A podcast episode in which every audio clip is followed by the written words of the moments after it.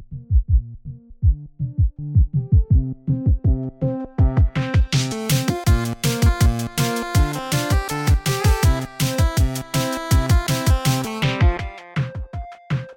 Välkommen till Spelfokus. Jag heter Gabriella Kalteneckar. Och jag heter Björn Flintberg och vi jobbar på RISE. Idag Björn så är tanken att vi ska prata om innovationssystemet och inkubatorernas roll i det här. Mm. Och vi, vår gäst idag heter Christian Wirsén som har jobbat många år i spelbranschen eh, med inkubatorer och kluster just. Och för närvarande så samarbetar vi i ett projekt där han representerar CISP. Vad är CISP för någonting? Ja, jag tänker det är bäst att Christian får uh, göra det. Vi får väl ta det som en av de första frågorna till honom. Men det är ju egentligen en samlingsorganisation för Sveriges inkubatorer och science park. Och inkubatorer och science parks är ju extremt viktiga och jag tror inte kanske alla känner till hur, hur viktiga de är just för spelbranschen. Alltså det, det är ju runt dessa kluster som det ofta byggs upp samlingar av spelbolag som kan få hjälp med allt från nätverk till praktiskt hur man driver bolag till möjlighet att få träffa och komma ut i världen på olika mässor och sånt där. Så mycket av det arbetet som har skett hittills i Sverige när det gäller stödet till spelindustrins framväxt har ju skett på lokal och regional nivå i just inkubatorer och science parks. Och det har vi ju efterlyst för i den här podden att glappet är ju snarare på nationell nivå. Bryggan mellan så att säga. Så att de har ju varit helt instrumentala upplever jag för att kunna bygga upp en svensk spelindustri. Så därför ska det bli riktigt roligt att få prata med Christian som, som har jobbat med inkubatorer och science parks eh, ganska länge då i olika kapaciteter. Och med olika frågor för all del, inte bara med spelindustrin. Och vad har vi då för den som kanske är lite ny till showen? Va, vad har vi för olika inkubatorer som gör, rör just spelbranschen runt om i Sverige? Vi har ju från, alltså det finns inkubatorer och science parks i hela, hela Sverige då, men om man tittar på på de som specifikt har jobbat väldigt mycket med spel så har vi ju dels ett gäng som är ganska etablerade och har hållit på länge. Eh, där Skövde såklart sticker ut som en av dem. Eh, man har hållit på länge också i Blekinge och eh, även i norra Sverige så är ju det som kallas Arctic Game organiserat under eh, Science Parks i många fall. Jag vet att Skellefteå Science City. En aktör som, som verkligen är intressant på radarn det är ju det man, arbetet man gör i Linköping då med det som heter East Sweden Game som samlingsnamn. Där, där jag vet att Linköping Science Park är, är högst involverade. Och sen är, tycker jag också det är otroligt nyfiken på, och det har vi, hoppas vi kunna prata mer om i den här podden längre fram, och få prata med de lite yngre så att säga områdena där spelindustrin visserligen har funnits ett tag, men där man nu börjar göra satsningar så att säga på att verkligen bygga långsiktiga kluster. Eh, med, med, till exempel eh, Mellansverige, i Sundsvall till exempel och eh, även i Dalarna då där man ganska länge, eller väldigt länge har haft eh, utbildningsverksamhet och aktiva bolag så att säga. Men där satsningen på, på själva spelindustrin bara växer och växer för varje år. Så att det ska bli oerhört intressant att prata med dem också. Och sen finns det som sagt på många ställen runt om i, i, i landet aktörer som verkar där. Men det finns också en del utmaningar. Jag hoppas få en chans att fråga Christian om det. Eh, därför att jag vet att det finns inkubatorer där man inte tar in spelbolag alls. För att man tycker att innovationshöjden inte räcker till så att säga, för att kunna gå i ett inkubatorprogram. Och det, det skulle vara intressant att höra hur, hur, vad det är som ligger bakom det. För det har jag inte riktigt koll på. Men då kanske vi without further ado släpper in Christian i studion? Ja men det tycker jag. Och då säger vi varmt välkomna till Christian Wirsén som har jobbat jättemånga år i spelbranschen med inkubatorer och kluster. Ja, stort tack. Du sitter just nu i Skövde och jobbar för CISP. Mm. Eller rättare sagt, jag jobbar för eh, Science Park Skövde. Eh, och parallellt så har jag jobbat länge åt CISP, det stämmer. Absolut. För de som inte vet, vad, vad är CISP? Alltså CISP är ju en eh, branschorganisation, en intresseorganisation som organiserar de svenska inkubatorerna och science parksen eh, primärt i landet, men också lite andra innovationsstödjande aktörer. Och eh, är egentligen en eh, produkt av en fusion mellan två tidigare eh, organisationer, medlemsorganisationer den ena som eh, organiserade inkubatorerna och den andra som eh, organiserade Science Parks. Men idag, sedan många år tillbaka, så är det en organisation. Det är 65 medlemmar ungefär eh, och eh, finns från eh, eh, Luleå ner till Malmö. Så att, i hela landet. Och, och, Vill du berätta lite grann om hur du kom in i, i den världen? Vad hade du för anknytning till spelbranschen och, och liksom, hur hamnade du där? Ja, men exakt. Uh, ja, först får jag väl ta den, den breda beskrivningen som egentligen inte är kopplad till spelbranschen specifikt. Men uh, utgångspunkten är ju den att jag är entreprenör själv och driver ett eh, konsultbolag då, uh, sedan 25 år tillbaka, vilket delvis avslöjar hur gammal jag är. I samband med uppstarten av vårt bolag så var jag ute och träffade massor med företag i regionen. Jag utgår ifrån för Jönköping, Småland. Då. Och eh, då, någonstans runt millennieskiftet så eh, började jag jobba tillsammans med det som kom att bli eh, Science Park Jönköping. Och I Science Park Jönköping-organisationen så var det en massa unga spännande människor som, som jobbade med startupbolag och de här personerna sen kommer flytta på sig i landet. Och eh, när de gjorde det sedermera så eh, ja, anlitade de mig i andra, andra sammanhang och i andra innovationsmiljöer. Och eh, inom rätt så kort så kom jag i kontakt med eh, huvudmannen för det nationella inkubatorprogrammet som på den tiden var Vinnova, eh, eller egentligen Innovationsbron hade uppdraget från Vinnova. Och Eh, jag började då jobba med alla inkubatorerna i Sverige i ett nationellt lärandeprogram och då pratar vi någonstans början av 2000-talet, där, eh, 2006, 2007 kanske då. Och eh, sen dess har jag ju varit ganska insyltad i eh, utvecklingen av inkubatorerna och innovationsstöden i systemet i Sverige. Och när jag då lärde känna de här olika innovationsmiljöerna så är det ju så att man är duktig på olika saker på olika platser i landet. Eh, så är det. Och några av de här eh, innovationsmiljöerna är ju just inriktade på, på gaming, spel. Och eh, det var så jag kom i kontakt med, med det eh, första gången. Hur har det varit att jobba med spelbranschen, tänker jag? Alltså, hur skiljer den sig från, från det andra arbetet du gjorde tidigare? Liksom? Vad, vad är det som är unikt med att jobba med spelbranschen i liksom, inkubator och, och science park-sammanhang? Ja, men, eh, ja, det finns egentligen många saker som, som är unika med det. Eh, jag, jag tycker att eh, det är såklart målgruppen för företagarna eller entreprenörerna och sådär.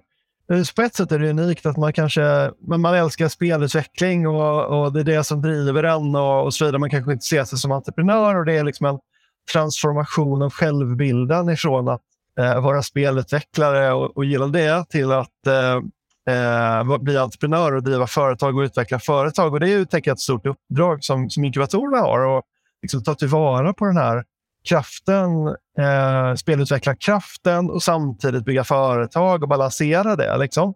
Så det, det, tycker jag är unikt. Men det, man skulle ju faktiskt kunna säga att det är ganska lika i, även i andra branscher, även om målgruppen ser lite annorlunda ut. Jag menar, en, en eh, eh, driven ingenjör som har en teknisk lösning drivs ju av att kreera lösningen lika väl som en life science-inriktad eh, forskare drivs av att forska inom life science.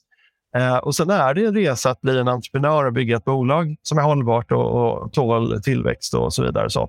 Så på ett sätt är det en väldigt eh, specifik målgrupp för det är spelutvecklare, men utmaningen eller resan som vi gör kanske är lite grann samma egentligen. Att Eh, gå ifrån eh, en självbild till en annan liksom, och trivas med det. Och så. Och det är inte alla som gör, utan eh, för att förverkliga sin, sin entreprenöriella potential så kanske det krävs att man tar in andra i sitt bolag som, som har mer entreprenöriell drivkraft och gillar företagsbygget och så vidare. Och så. Det är ju en universell kunskap, även om förutsättningarna i spelbranschen är specifika. Så det är ju en grej, ett perspektiv av det här som jag tycker är spännande och intressant. Liksom. Och det är också en stor utmaning, tänker jag, för att och egentligen för branschen som sådan. Alltså att, att inte bara fokusera på produkten, spelet, utan också fokusera på företaget och få det att utvecklas. För annars är det ju i spelbranschen som det kan vara i andra branscher att, att eh, på tidigt stadie så sugs eh, den här goda idén, i det här fallet spelet, då, kanske eh, upp i en, ett annat sammanhang med det kan vara internationellt ägande och det kan vara smickrande och bra på många sätt. Men samtidigt så försvinner ju IP ur vårt land. Eh, vilket ju kan vara utmanande för oss att vi finansierar forskning, vi finansierar utbildning. Eh, men samtidigt så får vi liksom inte tillbaka det i form av skatteintäkter och eh, sociala avgifter och allt annat som ett företag genererar som är i svensk ägo. Så jag, jag tycker att där, där, har vi stor potential. Naturligtvis. Det utmanar oss, men eh, det är också en fantastisk möjlighet. Sen är det jättebra med export och det är jättebra med utländskt ägande också. Eh, men, men det får inte bara gå åt det hållet. Då blir vi bara en, en producent av kunskap. Eh, liksom. för bolagen själva, vad betyder vad, vilken betydelse spelar Science Parks inkubatorer för, för bolagen? Liksom? Vad har de för nytta av dem? Ja, men precis. Ja, det är en jättebra fråga. Då. Eh, eftersom många av de här miljöerna, då, inkubatorerna och Science Parks, som varit de som jag jobbar med, de har ju olika grader av offentlig finansiering, det vill säga använder då skattepengar för att eh, finansiera sin verksamhet och ge stöd till företag. Och då tycker jag det finns all rätt att vara liksom, lite kritisk och säga, men är det verkligen rimligt? Liksom? Är det inte survival of the fittest? Att eh, företag som har förutsättningar att lyckas, de får väl klara sig själva på marknadens villkor och så. Eh, och Det tycker jag egentligen i grunden. Eh, samtidigt så när det handlar om innovation eh, så är det ofta förknippat med utmaningar och stora risker som är oförutsägbara. När marknadens mekanismer inte liksom klarar av att hantera det. Det, det är ingen som är villig att investera i, i så pass stor osäkerhet.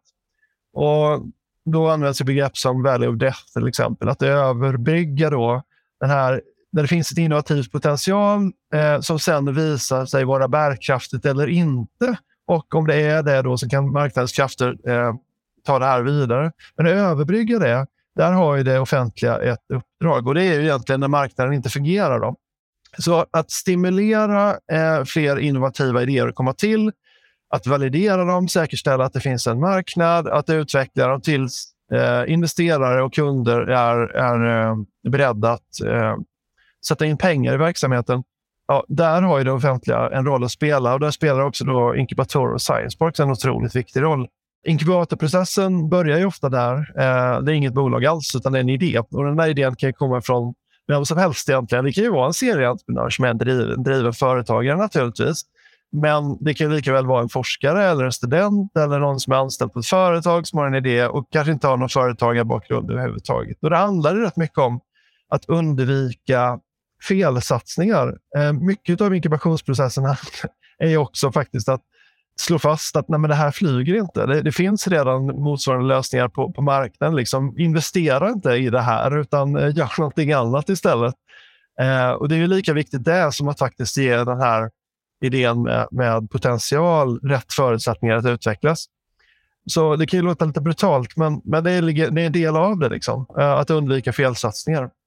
Och De här idéerna då, som har potentialen de får ju också rätt förutsättningar eh, under inkubationstiden att, att utvecklas. Och då handlar det om att tillföra det som saknas. Det kan ju såklart vara kunskap, men det är lika mycket kontakter, alltså marknadsingångar, eh, kontakter till relevant eh, kompetens för teknisk utveckling, för test och demo, men också då för att bygga företaget och utveckla kompetenser och skapa förutsättningar för företaget att utvecklas. Vilket ju såklart inkluderar investeringar, då, pengar. Det handlar om mjuka medel inledningsvis oftast, men sen också då, eh, privata investeringar. Så, eh, våra inkubatorer i Sverige har ju nät, de här nätverken, de här relevanta nätverken. Så det kortar, kortar tiden från idé till framgångsrik innovation och framgångsrik eh, startup eh, å ena sidan. Å andra sidan så minskar riskerna för felsatsning och eh, kortar också ledtiderna. Så det skapar en effektivitet i överbryggandet av den här value of death som jag pratar om. Då. Eh, så, så, skulle man ju kunna pitcha inkubatorerna i allmänhet eller som kollektiv. Då. Eh, våra science parks, jag bara säga lite kort om dem också. Det, det tycker jag är viktigt. Alltså när de här eh, startupbolagen då, inkubationsprocessen är inte hur långa som helst, det ska de inte vara. Men när de väl eh, är avslutade, då har vi grunden till ett, ett företag som kan stå självt så, på egna ben. Därifrån sen till att faktiskt skala upp sin tillväxt så kan det gå olika lång tid. Spelbolagen utmärker sig så att där går det ofta ganska fort faktiskt. De är väldigt snabba från idé till tillväxt generellt sett. Även om det är mycket eh, lång teknisk utveckling bakom spel så om man jämför med andra branscher, särskilt det vi kallar för deep tech, då, så Eh, är det kortare utvecklingsprocesser.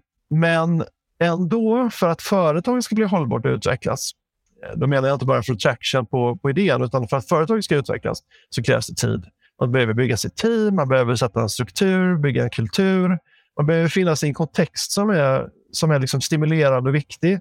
Både för att vara attraktiv för arbetsmarknaden så att man attraherar rätt medarbetare, men också Eh, för att stimuleras och utvecklas tillsammans med andra entreprenörer. Och där spelar ju våra science parks en otroligt viktig roll. De är ju regionala vad ska man säga, förtätningar, kraftsamlingar av innovativa bolag med lite olika prägel. Då.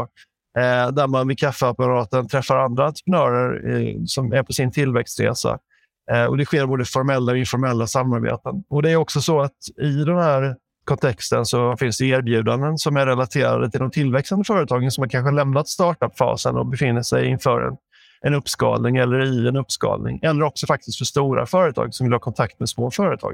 Och där spelar ju inkubatorerna en otroligt viktig roll för näringslivsutvecklingen generellt sett. Men det är ju för, lite, för företag som har kommit lite längre. Då. Men, men om, man, om man då som spelutvecklare eller du vet, idé skapare sitter någonstans långt borta från inkubatorskluster. Finns det någon annan väg att gå? Ja, men det gör det. Alltså, de här innovationsmiljöerna är inte bara fysiska, eh, alltså det vill säga finns på en plats eh, med infrastruktur och människor, utan de är också uppkopplade med varandra i ett virtuellt nätverk. CISP är ju en organisation som, som, eh, som är ingen stor fysisk organisation, utan den samlar ju eh, för de här eh, stödaktörerna stödjande aktörerna i hela landet. Och där, i, i det nätverket så kan också inkubatorerna samarbeta med varandra.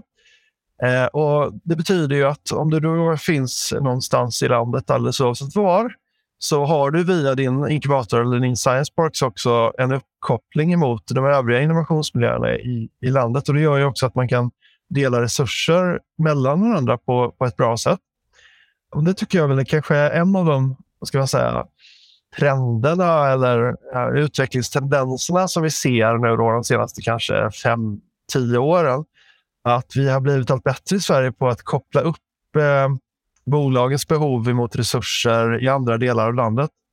Och det är dessutom så att det finns då internationella organisationer också för inkubatorer och science ISP till exempel, som, som eh, är motsvarande uppkoppling ut i världen. Så det gör ju egentligen, om, eh, om man nu ska sälja lite grann här, att en väg in eh, i en sån här innovationsmiljö är också en väg ut på en internationell eh, uppkopplad marknad och ett stödsystem.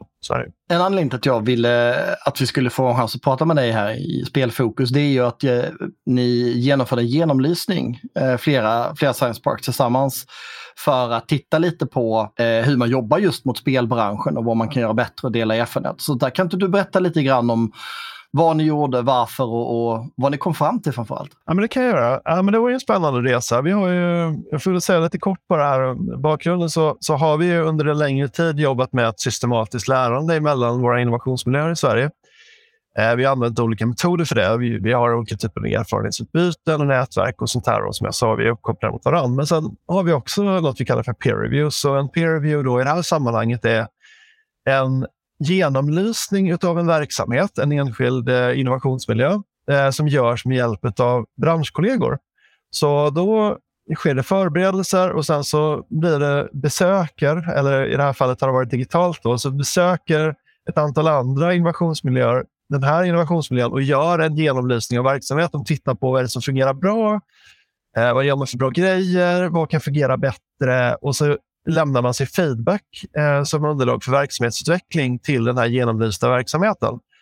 Det kräver ju naturligtvis en otrolig öppenhet och ett engagemang och förståelse för varandra och massa förberedelser och sådär. Det är ett oerhört bra sätt att dels få feedback som verksamhetsutvecklare, men också att lära känna varandra på djupet lite mer och förstå eh, hur man kan använda varandra på ett, på ett bra sätt.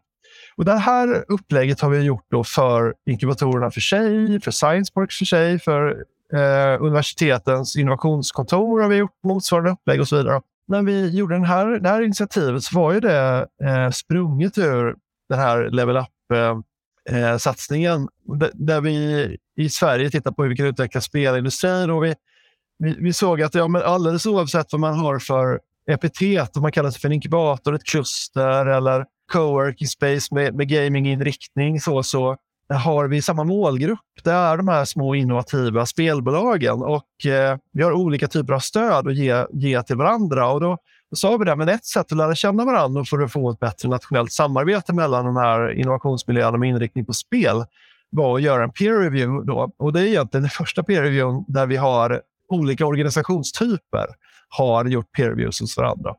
Fungerade det då? Ja, men det gjorde det verkligen. Eh, det var jättespännande. Här hade vi då hardcore inkubatorer som jobbar väldigt så här mot, mot tech, men med spelinriktning. Vi hade mer klusterlika organisationer, eh, mer utbildningsorienterade organisationer som, som tillsammans tittade in i varandras verksamheter och eh, lärde varandra. Och det är ju inte så att man inte hade samarbete innan, för det hade man ju på olika sätt. Men den här processen gav ju en ökad förståelse för all right, eh, vi är faktiskt grymt duktiga på helt olika grejer. Och eh, det kokar ju ner till i slutet när vi hade varit runt, kuskat runt här, vilket det tog en eh, drygt halvår innan vi hade besökt varandra, så, så eh, kom vi till den slutsatsen att ja, men, okay, om vi skulle Låt oss forma ett gemensamt värdeerbjudande till, till spelbranschen i Sverige eh, som handlar om att ge stöd till innovation. Vilka delar skulle ingå då? Vem skulle bidra med vad? Liksom? Det blir som ett virtuellt värdeerbjudande för, för spelbolag. Och eh, när vi satt och gjorde den övningen så insåg vi samtidigt att ah, wow, eh, gör vi det? Eh, även om allihopa är världsklass på det de gör, var och en för sig, så skulle det här nya gemensamma värdeerbjudandet vara världsklass deluxe tillsammans, liksom, ur ett nationellt och internationellt perspektiv för, för spelutveckling. Det gör ju också att man inte kan låta bli att börja tänka på så här, tänk om vi jobbade ännu mer strukturerat tillsammans med de här olika skillsen så skulle vi positionera Sverige ännu högre upp i, i värdekedjan när det gäller spel och spelutveckling.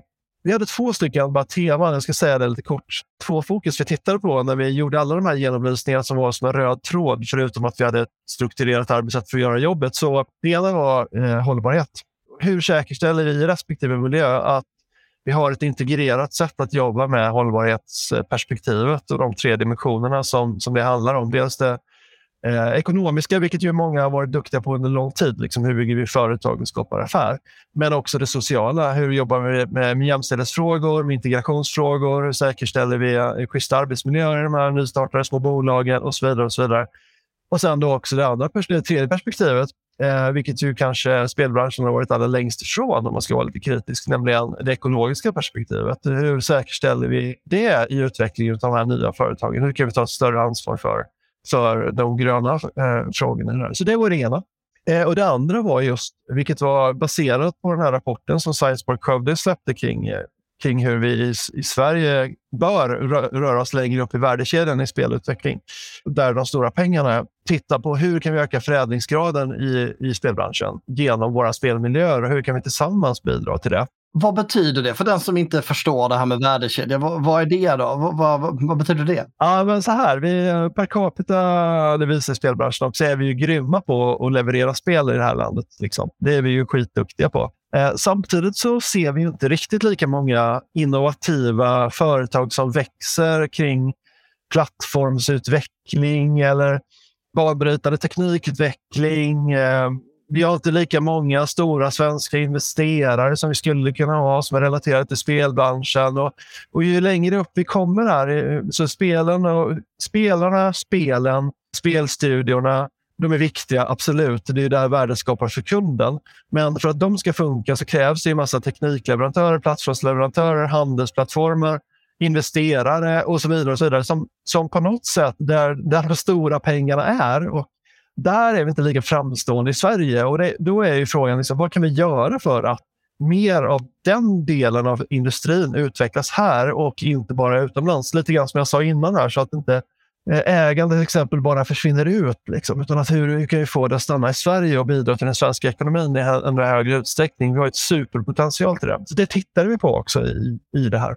Eh, så det var våra två fokusområden vid sidan av den här breda genomlysningen. Då, då. Och slutsatsen var ju som sagt att ja, om vi bara packade ihop våra framstående eh, styrkor i ett gemensamt värdeerbjudande så har vi nog någonting väldigt bra på plats. Sen saknas det saker och det jobbar vi, ska vi jobba vidare med. Det saknas forskning, det vet vi ju. Det har säkert pratat om i det här forumet tidigare. Och det, det saknas eh, samarbete som är strukturerat och designat för att vi ska kunna jobba ihop. Vi, vi, många av de här innovationsmiljöerna är lokalt finansierade, regionalt finansierade och uppdragsgivare som, som ser på världen på det sättet. Man är viktig för den lokala arbetsmarknaden, för det lokala näringslivet och så vidare. Eh, och man mäktar inte med att ta ansvar för hela Sverige. Och Det gör ju att uppdrag och finansiering hänger ihop. Och eh, därför så har man liksom inte finansiering för att jobba ihop tillsammans. Så det kan ju låta lite förmätet, men eh, de facto är det så. Någon behöver betala för att vi jobbar ihop liksom och lägger timmar på det gemensamma. Även om det är bra för företagen så behöver ju stödaktörerna få uppdraget och få finansieringen. Och där håller vi på att titta på formerna för hur det ska gå till. genom att få uppdrag och jobba med det på ett bättre sätt. Och då kommer ju också resultat och effekter nationellt och internationellt. Ska vi prata lite om LUR? Ja, det kan vi göra. Absolut. Jag tänkte, du, du, är ju, du Christian sitter ju med i, i ett projekt som vi, eller du processleder ett projekt som vi båda sitter med i, jag och Björn, som heter Level Up Regional. Vill du berätta lite om det och hur det hakar ihop till innovations... Nej, men uh, Level Up Regional är ju uh, ett regionalt projekt. Och uh, det är ett projekt i Västra Götalandsregionen. där då Västra Götalandsregionen är en av de regionerna som har kommit till insikt att för att bli riktigt bra som region så måste vi tänka nationellt. Eh, det vill säga genom att göra eh, regionala insatser uppkopplat emot det nationella perspektivet så kan vi utveckla vår bransch här i vår region. Genom att ta initiativ till det. Och då, då är LUR ett sådant initiativ. Liksom där, här handlar det om att kraftsamla branschen och göra det i olika dimensioner. Här I LUR, i LUR då, så finns då representanter för, för akademin. Vi har eh, Högskolan i Skövde som är en projektpartner som, är ju, som ni känner till, eh, grymma på att leverera studenter ut på arbetsmarknaden inom spel. Eh, men man har ju också spelforskning där. Och vi har RISE då, då som befinner sig i, i gränssnittet mellan näringsliv och forskning och jobbar praktiskt också då, inom spel och där, som också en projektpartner där. Vi har två stycken Science Parks. Det är Lindholm Science Park i Göteborg och det är Science Park Skövde i Skövde då, eh, som, som jobbar med det här. Eh, som också, där det finns spelutveckling i båda delarna, i, på båda sajterna. Där man också tänker tvärsektoriellt, det vill säga att samla både eh, det offentliga näringslivet och akademin i de här skärningspunkterna, men också väva in andra vetenskaper som är relevanta för spelutvecklingen inom till exempel tech och AI-relaterade eh, frågor och sådär. Så det, det, blir en, det blir en samling på det hållet. Och eh, de här projektpartnerna tillsammans jobbar i ett antal arbetspaket där vi eh, i respektive arbetspaket adresserar olika utmaningar inom spelbranschen och, och kraftsamlingar. Då.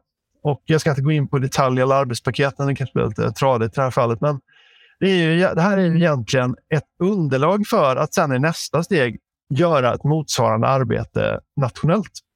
Och om allt går väl så kommer vi få ett positivt besked där och eh, inte bara jobba eh, regionalt utan också nationellt då, eh, på ett motsvarande sätt. Och eh, det skulle så in, i så fall innebära att vi förverkar det potentialet som jag pratade om tidigare. Att vi nu äntligen då kan koppla ihop eh, resurserna som finns i hela landet för spelindustrins eh, bästa. Eh, faktiskt. Och då pratar vi om innovationsmiljöer från eh, Luleå i norr ner till eh, Malmö i söder. En fundering som jag hade, nu har vi pratat mycket om, om Eh, fördelarna och möjligheterna, för det finns ju jättemånga och jag tror att det ligger mycket i det du pratar om med värdekedjan och kanske att en nyckel så att säga är också att när man kliver upp i värdekedjan då ökar också i alla fall det synbara värdet för annan industri. Och det kanske är för att jag har RISE-hatten på så att säga, men, men ändå så, så vill man gärna se synergier mellan branscher. Eh, och där kan ju spel komma in som en ganska kraftfull aktör i gränslandet mellan kreativitet, innovation och tekniskt kunnande in i branscher som, som eh, kan lära sig av spelbranschens framväxt. Eh, men också kan bidra på sitt sätt genom att man kommer in i en annan infrastruktur. Men en utmaning som jag stött på eh, vid ett par tillfällen under den tiden vi har jobbat med det här, det är att begreppet kring innovation och synen på innovation gör ju att det är vissa eh, Science Parks inkubatorer som inte tar in spelbolag. Vad är det som ligger bakom det? Varför, varför är det så? Vad, vad, vad, är det som... Och andra ställen har man ju då lyckats med det, men, men vad, vad är dina tankar kring det där? Gissar du har hört det också. Ja, nej, men absolut. Ja, alltså det, det, jag skulle nog säga att dels så, så det finns en, eh, en missuppfattning. Det är att om man pratar eh, med myndigheter till exempel då, så, så, kan, så kan det vara så här när vi pratar spel. Om man inte pratar mer än om man bara spel eh, så, så helt plötsligt så tänker man även på kasinospel till exempel och den typen av, av spel. Och då, då vill man inte med offentliga medel stötta den typen av verksamhet. Alltså när man spelar om pengar. Eh, så.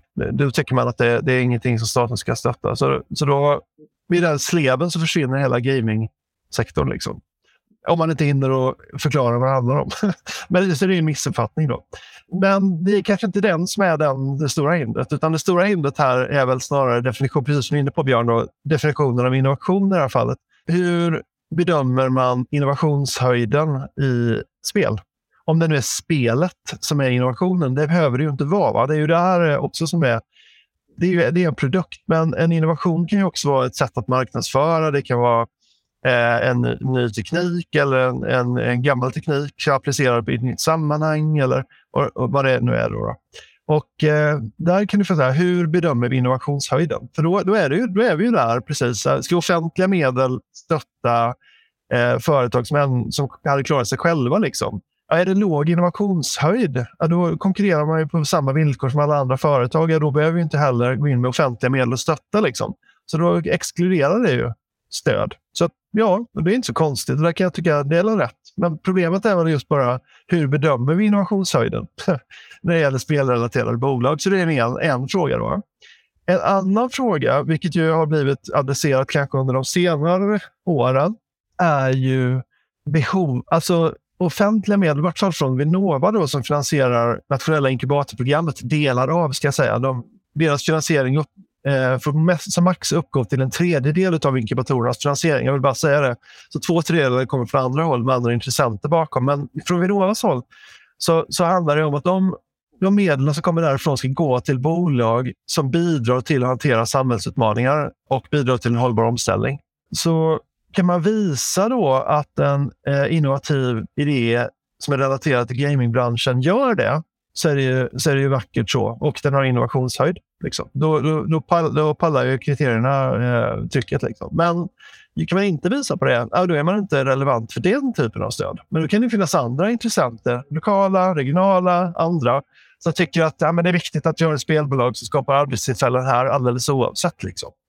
Men där, Björn, tror jag det är lite grann utav av utmaningarna som, som vi har i, just när det gäller inkubatorer eh, och gaming startups. Då. Det är en intressant fråga. Det, det kommer in lite grann på det här som vi pratat om i andra sammanhang just med kunskaps kunskapshöjande åtgärder lite grann och att, att också kunna lyfta att spelbranschen är mer än bara sina produkter så att säga. Att det finns den, det verkliga breda värdet för, för Sverige AB så att säga är ju kanske inte produkten i sig utan det är allt ifrån hur man jobbar, hur man hanterar idéer, hur man löser problem, på vilket sätt kreativitet kan spela roll för innovation, alltså hela den där biten. Och den, där finns det ju liksom absolut ett arbete att göra som, som eh, man får kroka arm kring eh, som aktör i, i det där ekosystemet. Alltså det, och där har vi oss själva att skylla lite grann, tänker jag också. För att vi, eller många liksom, fokuserar så mycket just på produkten. Alltså, man, man, man sitter och pratar om så pratar man om produkterna. Eh, och så. Och, och tittar vi på utbildningarna så, så går de ut på att lära sig att skapa produkter. Eh, så jag menar, om, om, vi hade, om vi hade tänkt så här nu menar jag inte att man ska göra så, men om man bara hypotetiskt leker med tanken att vi ska, vi ska göra saker som förbättrar samhället. Det är vårt uppdrag. Och medlet är att utveckla spel. Hur hade, hur hade spelbranschen utvecklats då? Liksom? Ja, antagligen på ett annat håll än vad det är idag, skulle man kunna tänka sig. Nu menar jag inte att det är vägen att gå, men, men eh, jag tänker att det finns mindset här som styr mot produkten i rätt hög utsträckning som vi kanske behöver förändra och utveckla för att skapa den här legitimiteten och liksom komma in i finrummet eh, eller så. Men produkten kan ju lika gärna vara ett spel som hjälper samhället som det är ett, ett rent underhållningsspel. Absolut. Hur, hur, stora är vi på serious games i Sverige? Har vi potential? Jag är, jag är fel person att svara på det eh, eftersom jag inte är experten just på spel. Men jag kan ju bara, om jag återger vad jag hör, så, så tycker jag att jag under väldigt många år, eh, ända sedan första gången jag kom i kontakt med det här, innovation, spel, inkubatorer, har hört mantrat liksom. Eh, serious games och applikationer i andra branscher.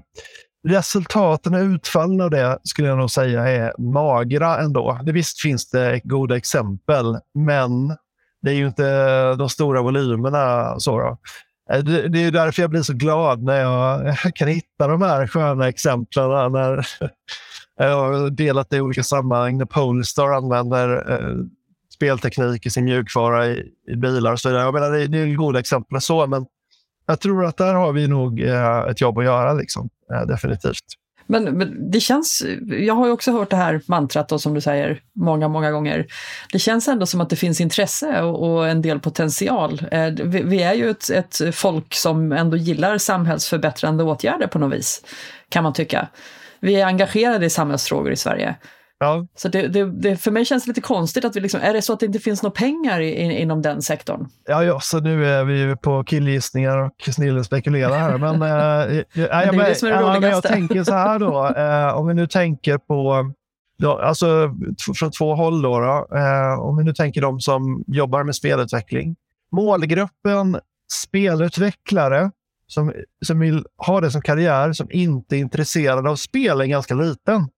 Och Det betyder ju, tänker jag utifrån det perspektivet, att jag ser min yrkeskarriär i, som spelutvecklare inte som att utveckla andra saker som inte spelar i andra branscher. Det kanske inte är min primär, mitt primära val, med drivkraft. Liksom. Så det är väl en grej som, som lever in i det här. Det andra är väl, men som sagt var, nu är det ju snillen spekulerar. Vi, vi är fenomenala på att bygga upp stuprörsstrukturer i vårt land. Liksom. Och jag tänker vetenskap för vetenskap och liksom bransch för bransch och sådär. Och det är så lätt att navigera i stuprören, men det är mycket svårare att navigera i, i hängrännorna, liksom, göra, de här, göra de här kopplingarna. Och dessutom så har varje stuprör sin kultur. Inte bara struktur utan också kultur, vilket gör att det är svårare att hitta varandra. Och då tycker jag ju så här att där kanske vi kan bli bättre bättre i våra innovationsmiljöer. För de här banbrytande innovationerna i alla sektorer, skitsamma vad det är, är ju i de här nya skärningspunkterna mellan vetenskap, mellan människor, oliktänkande och mångfald. Där vet vi ju, där gror ju innovationer. Så kan vi ta ett större ansvar för att sammanföra olika vetenskaper, personer, tekniker, branscher med varandra i de här innovationsmiljöerna, ja, då tror jag faktiskt att vi kommer att se fler och mer av serious games och gamification i olika branscher. Absolut. Ja, jag, del, jag delar ju din bild där. Jag tror, jag tror att det är en av de där nycklarna vi ännu inte riktigt har greppat. Och jag tror att jag tror precis som du, de som blir spelutvecklare för att de vill göra underhållningsspel är svåra att övertala att de ska istället sitta och göra spel av andra skäl. Men, men jag tror också att en av nycklarna är när man då kan få med annan industri i det här. När man börjar se intresset hos Polestar, hos Volvo, hos Boliden, hos Epiroc och andra liksom, industriaktörer i spelteknologier, i spelintresset. De börjar liksom värma upp musklerna i, i, i de sammanhangen. Det finns liksom nästan ett tomt hål där för bolags, eh, ett helt kluster av bolag som så att säga jobbar med speldriven teknologi för industri eller speldriven teknologi för hälsa eller speldriven teknologi för annat. Det finns ju några sådana bolag naturligtvis men det är fortfarande inte särskilt många sådana bolag som så att säga inte är underhållningsspelutvecklare utan snarare då utveckla applikationer, mjukvara och spel i ett konkret syfte där affärsidén är serious games eller affärsidén, om man kanske inte ens kallar det serious games, det, det kanske kallas någonting annat som då dockar in mer mot vad man är van vid, kanske annat näringsliv. Men som liksom utvecklar den här typen av både teknologi men den här typen av produkter för andra syften än bara det. Och där, där på tal om värdekedja, där tror jag vi har ett segment som, som har väldigt stor potential och där tror jag att det skulle finnas möjlighet att göra. Men det hänger ju också ihop med att då måste den där hängrännan som är traditionella liksom, branscher och industrier också få upp intresset så att det finns liksom en, en synergier mellan de här aktörerna. Jag vet att det, det är en tanke jag har just nu som inte är solidifierad men det är definitivt ett spår som jag, jag i alla fall kommer att ta med mig när vi fortsätter jobba med de här frågorna ibland så, så behöver man en knuff liksom, för att det är en slags kognitiv beteendeterapi. Liksom att, ja, men, knuffa in folk i ett rum eh, som har de här olikheterna och släpp inte ut dem förrän för de har löst en utmaning tillsammans. Ungefär, för, det, för de kommer aldrig själva ta initiativet. En sjuksyrra kommer aldrig ta kontakt med en spelutvecklare för att lösa vård, problem med vårdköer. Liksom. Det, det, ligger inte, det är inte det första man ringer, det första man ringer. Men lösningen skulle kunna finnas där. Så jag tror att det, och det är det jag menar, där, där tror jag faktiskt att våra innovationsmiljöer behöver knuffa utvecklingen i den riktningen för att det ska hända. Det kan, ibland så kan man inte vänta på att efterfrågan kommer. Liksom. Det är lite där och det är det innovation är också. Liksom. Börja med utmaningen istället för med lösningen och så, och så låt oss eh, designa lösningen tillsammans. Och det är väl också, tänker jag, så här, eh, låter ju enkelt, men i praktiken kan det också innebära att vi faktiskt eh, bygger miljöer, attraktiva miljöer eh, som, som attraherar olikheter. Det är bra med branschförtätningar, men ibland så är det ju helt avgörande att vi löser upp dem och eh, tvingar ihop dem med andra liksom, för att vi ska komma framåt. Det blir som liksom lite inavel i tänkande och annat om vi, om vi umgås många lika människor. Så då har vi en stor marknadspotential här. Det har vi, absolut. Det skulle jag säga. Det är sånt där som man tycker själv, eh, du vet, här finns det lågt hängande frukt att plocka. Det är inte bara att, att vi som spelutvecklare ska ge våra metodologier och teknologier till andra industrier. Det, det, det, det initiativet måste ju komma från de industrierna som ser liksom en vinst eh, i att kontakta spelbranschen. Men det finns ju ingenting som säger att life science till exempel får ju väldigt mycket bidrag, pengar och uppmärksamhet. Att man inte kan göra spel som är underhållande men som serves a higher purpose. Du vet, var, var är, var är neuro eh, science i det här? Var, det, det, vet vi ju redan, lärande hänger ju ihop med lek. Eh, och det är ju underhållning, ja, men det kan också tjäna ett högre syfte. Det var jätteintressant att få lyssna in på dina erfarenheter Christian. Superstort tack för att du har varit med oss i Spelfokus idag. Tack. Eh, har vi några avslutande liksom, tips och tricks till eh, de som eh, sitter på bolagssidan? Ja, nej men alltså jag tänker väl ändå så här. Eh, om man inte tidigare har varit i kontakt med eh, de personer och de verksamheter som de här innovationsstödjande inkubatorerna Science utgör, så ta kontakten. För att jag, det finns så otroligt mycket coola grejer som pågår som jag tror många missar. Liksom. Att, eh, och det, det, finns där för er. Så att, eh, mm, sök upp kontakt. I alla regioner i hela Sverige så finns det en Science Park. Eh, om ni inte varit där, ta kontakt. Ja, men det här var ju spännande. Känner vi, känner vi oss visare och klokare, Björn? Men jag tycker det är jätteintressant att lyssna på, på Christian. Eh, dels så har han det är väldigt tydligt att han har jobbat länge med de här frågorna. Han är väldigt insatt och har liksom eh, inte bara idéer utan ganska sammanhängande resonemang som man, man tydligt, och det, det, tror jag ni som lyssnar också märker, att han, de bygger på genuina erfarenheter och arbete som har pågått under lång tid. Eh, han är väldigt bra på att rita kartan mellan hur saker och ting hänger ihop. Eh, och, och, för mig är det otroligt värdefullt att, att kunna sparra tankar i, i det arbetet vi gör utanför podden med en person som Christian som har den erfarenheten. För jag, jag tror att eh, som jag sa i försnacket eh, så är det ju så att mycket av arbetet har, har skett historiskt i lokalt och regionalt med hjälp av inkubatorer och science parks när det gäller dataspelsindustrin. Och jag tror också att det fortsatta arbetet så är de helt centrala för att kunna bygga den här långsiktigheten som, som vi ändå försöker på något sätt syfta till för att få en bra och hållbar dataspelsindustri med mycket mervärden som vi var inne på i, i samtalet. Och, och det där är ju ett jätteintressant område. Vi, vi pratade om det här med allt från Serious Games och andra industrier och sånt där. Det är jättespännande att, att se vad som kan komma av det. Nej, men och, och alltså som vi också nämnde, det, det känns ju för den kanske lite naivt, men det känns som att det finns en enorm marknadspotential som vi, vi inte riktigt har börjat eh, öka medvetenheten om i Sverige. Det finns otroligt mycket pengar som pumpas in i life science. Ehm, så att om man nu har en produktpassion, när man är djupt engagerad i liksom att skapa spel, så borde man ju också vara intresserad av varför är spel så intressant? Varför är spel vad är det som engagerar så miljoner människor runt om i världen att spela? Eh, den kraften går ju att ta tillvara på även i andra sammanhang. Och eh, därför tycker jag att också inkubatorernas roll är så otroligt viktig eh, i det att man kan då få, som Christian sa, att vi kastar in folk från olika industrier i samma rum och så bara liksom, hej, jobba på någonting och kom inte ut förrän ni är klara. Eh, för, för jag, jag, tror inte att det är att man måste ge upp sin vision om att göra spel, för att sälja spelet till en annan bransch än underhållningsbranschen. Nej men så är det, alltså, och jag tror att det kanske jag tror att det är, jag tror att det är svårt att, att få folk som har blivit speldesigners för att de vill göra underhållningsspel. De kommer att vilja göra underhållningsspel. Men det finns ju en, det kommer ju nya människor in i den här branschen hela tiden.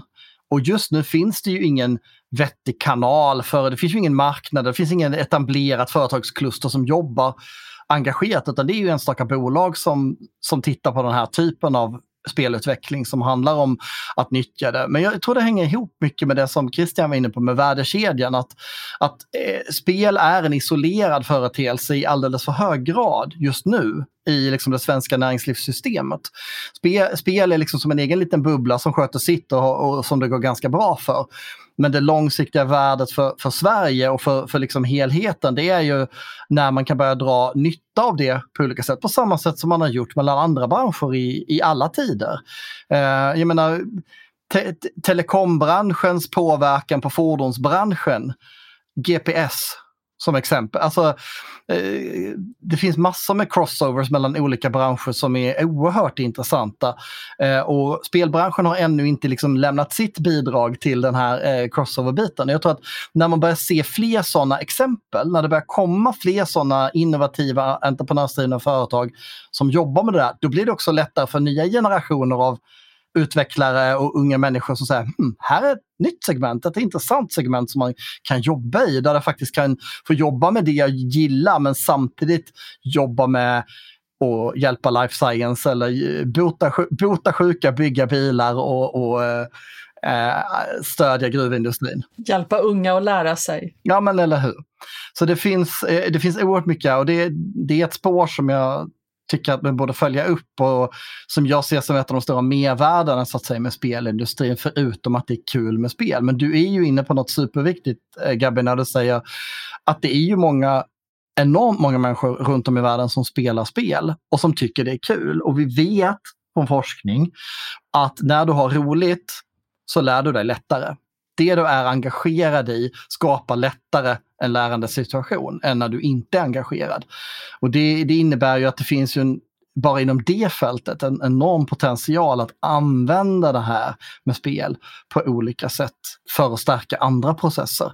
Och den eh, resan eh, kräver både insatser för utbildning men också rätt förutsättningar hos just till exempel inkubatorer och science parks. Och, och, du som lyssnar, om du är spelutvecklare och vet med dig att du har ett intresse av det här, hör av dig till oss. Vi skulle älska att lyfta era exempel i, eh, inom den här genren. Mm, eller om du redan har ett bolag som jobbar i det här gränslandet som vi pratat om här i eftersnacket och inom något specifikt fält så så hör av dig så kanske vi kan få, få prata med dig. Och... Men då, då har våran tid eh, tagit slut för idag. Eh, och tack till dig som lyssnar för att du har varit med oss och vi hälsar dig varmt välkommen nästa vecka. Ha det gott!